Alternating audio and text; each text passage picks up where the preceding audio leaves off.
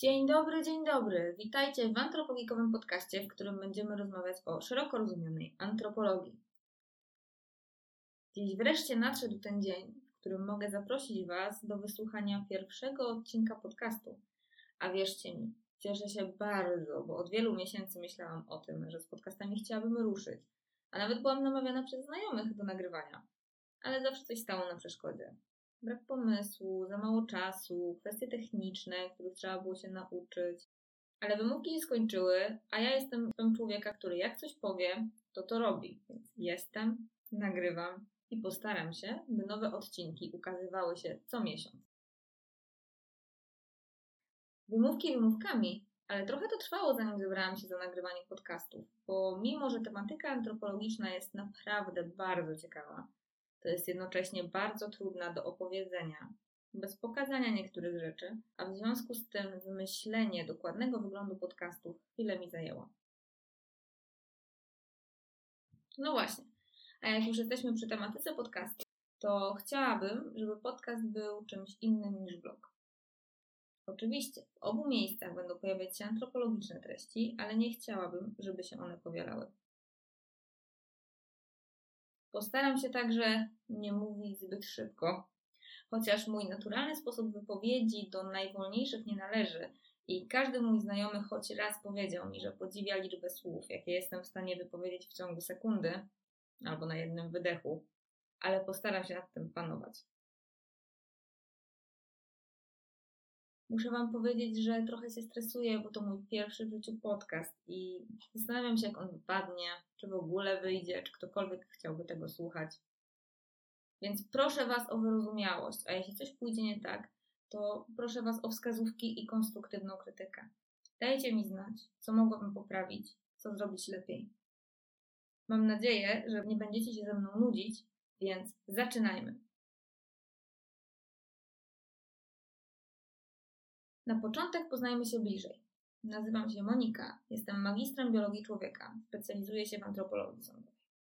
Moim największym zainteresowaniem naukowym jest identyfikacja osób żywych za pomocą metod audiowizualnych, ale nie zapominam także o tej najbardziej standardowej i klasycznej części pracy antropologa, związanej z badaniem szczątków kostnych, a jeśli nie obserwowaliście mnie wcześniej, musicie wiedzieć, że Antropogii to nie tylko podcast, którego słuchacie, ale także blog, na którym staram się przybliżać tematykę antropologii i nauk sądowych w przystępny sposób z nawiązaniami do popkultury.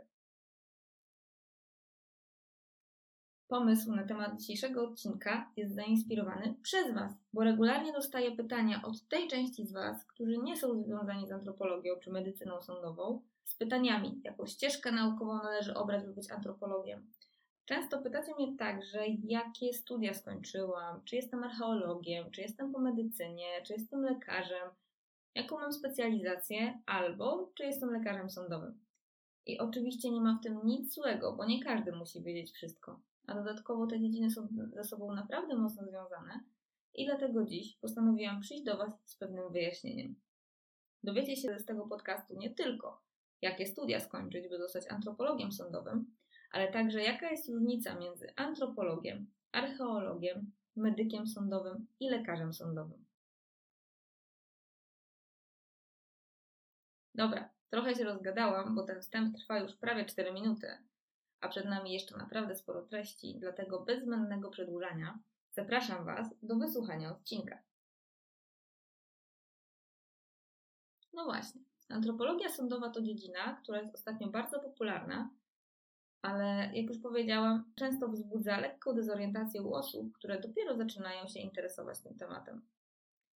Dlatego już śpieszę z wyjaśnieniem. Na początek, kim jest antropolog sądowy? Kto z Was oglądał kiedykolwiek serial Kości? Przypuszczam, że duża część dzisiejszych słuchaczy widziała co najmniej jeden odcinek. Ja też oglądałam ten serial, kiedy byłam młodsza. I pomijając merytoryczną część tego serialu, która przez większą część czasu antenowego nie miała z rzeczywistością naprawdę nic wspólnego, to zawód antropologa jest tam przedstawiony całkiem dobrze. No, przynajmniej w pewnej części. Bo faktycznie, antropolog sądowy to osoba zajmująca się badaniem szczątków kostnych i to jest, no, można powiedzieć, fundament naszej pracy, ale nie zajmujemy się tylko kośćmi. Antropolodzy zajmują się także identyfikacją osób żywych na podstawie materiałów audiowizualnych, a ze względu na rosnącą cyfryzację, popularność internetu i na fakt, że nawet w telefonach mamy kamery i aparaty fotograficzne, jest to coraz większa część naszej pracy. A musicie wiedzieć, że to jest naprawdę zupełnie inny rodzaj pracy niż badanie szczątków kostnych. Bo poza wiedzą, którą musimy zastosować z anatomii, antropometrii czy antropologii morfologicznej, ta dziedzina antropologii i naszej pracy wymaga od nas także innych umiejętności i współpracy ze specjalistami z wielu dziedzin, przykład informatyki. I o ile większość z Was wie, po co i w jakich przypadkach prowadzi się badania szczątków kostnych, to jednak ta druga część pracy, czyli identyfikacja osób żywych, nie jest aż tak znana. W jakich sytuacjach to robimy? Przede wszystkim w przypadkach poszukiwań osób zaginionych czy osób o nieznanym wieku, gdzie najczęściej mamy do czynienia z dwoma rodzajami przypadków.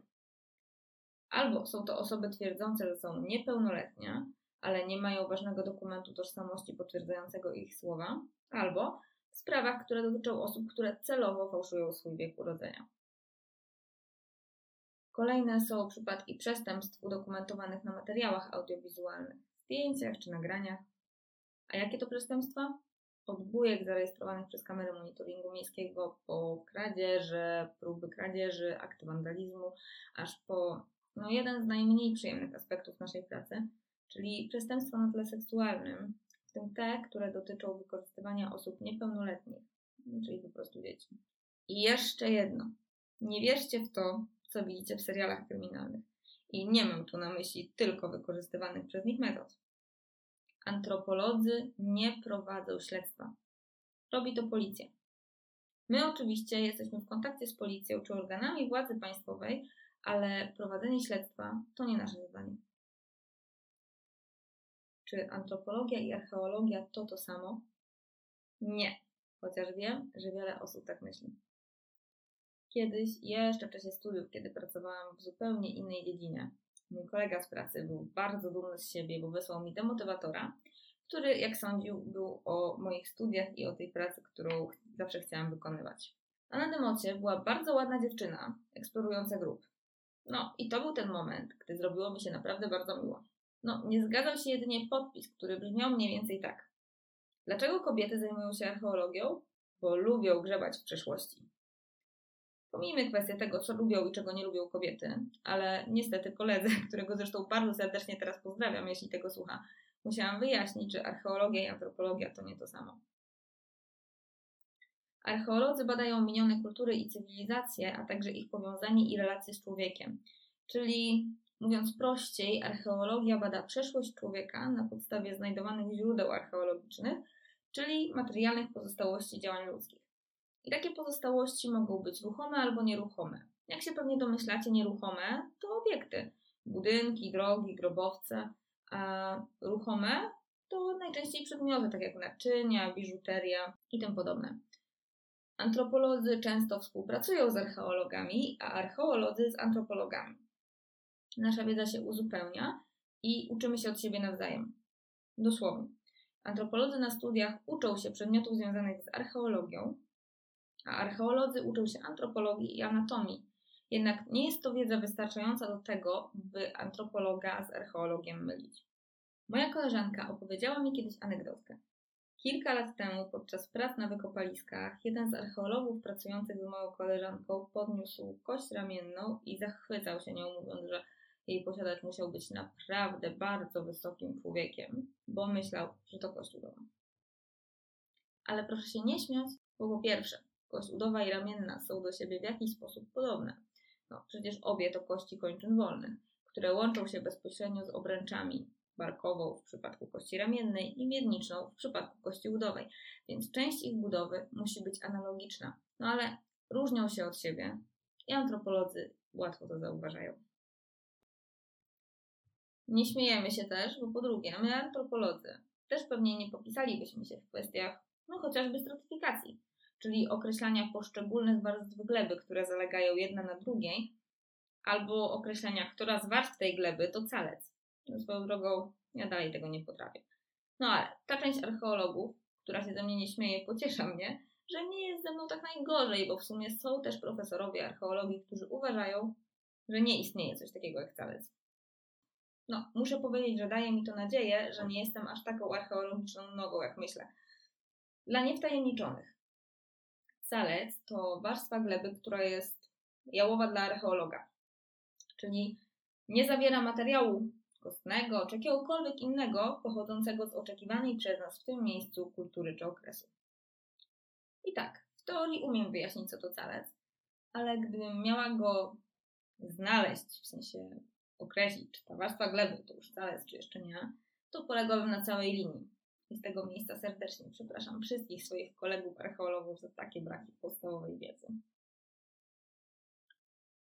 Kolejne pytanie, które zadajecie mi bardzo często, to czy antropolog jest lekarzem?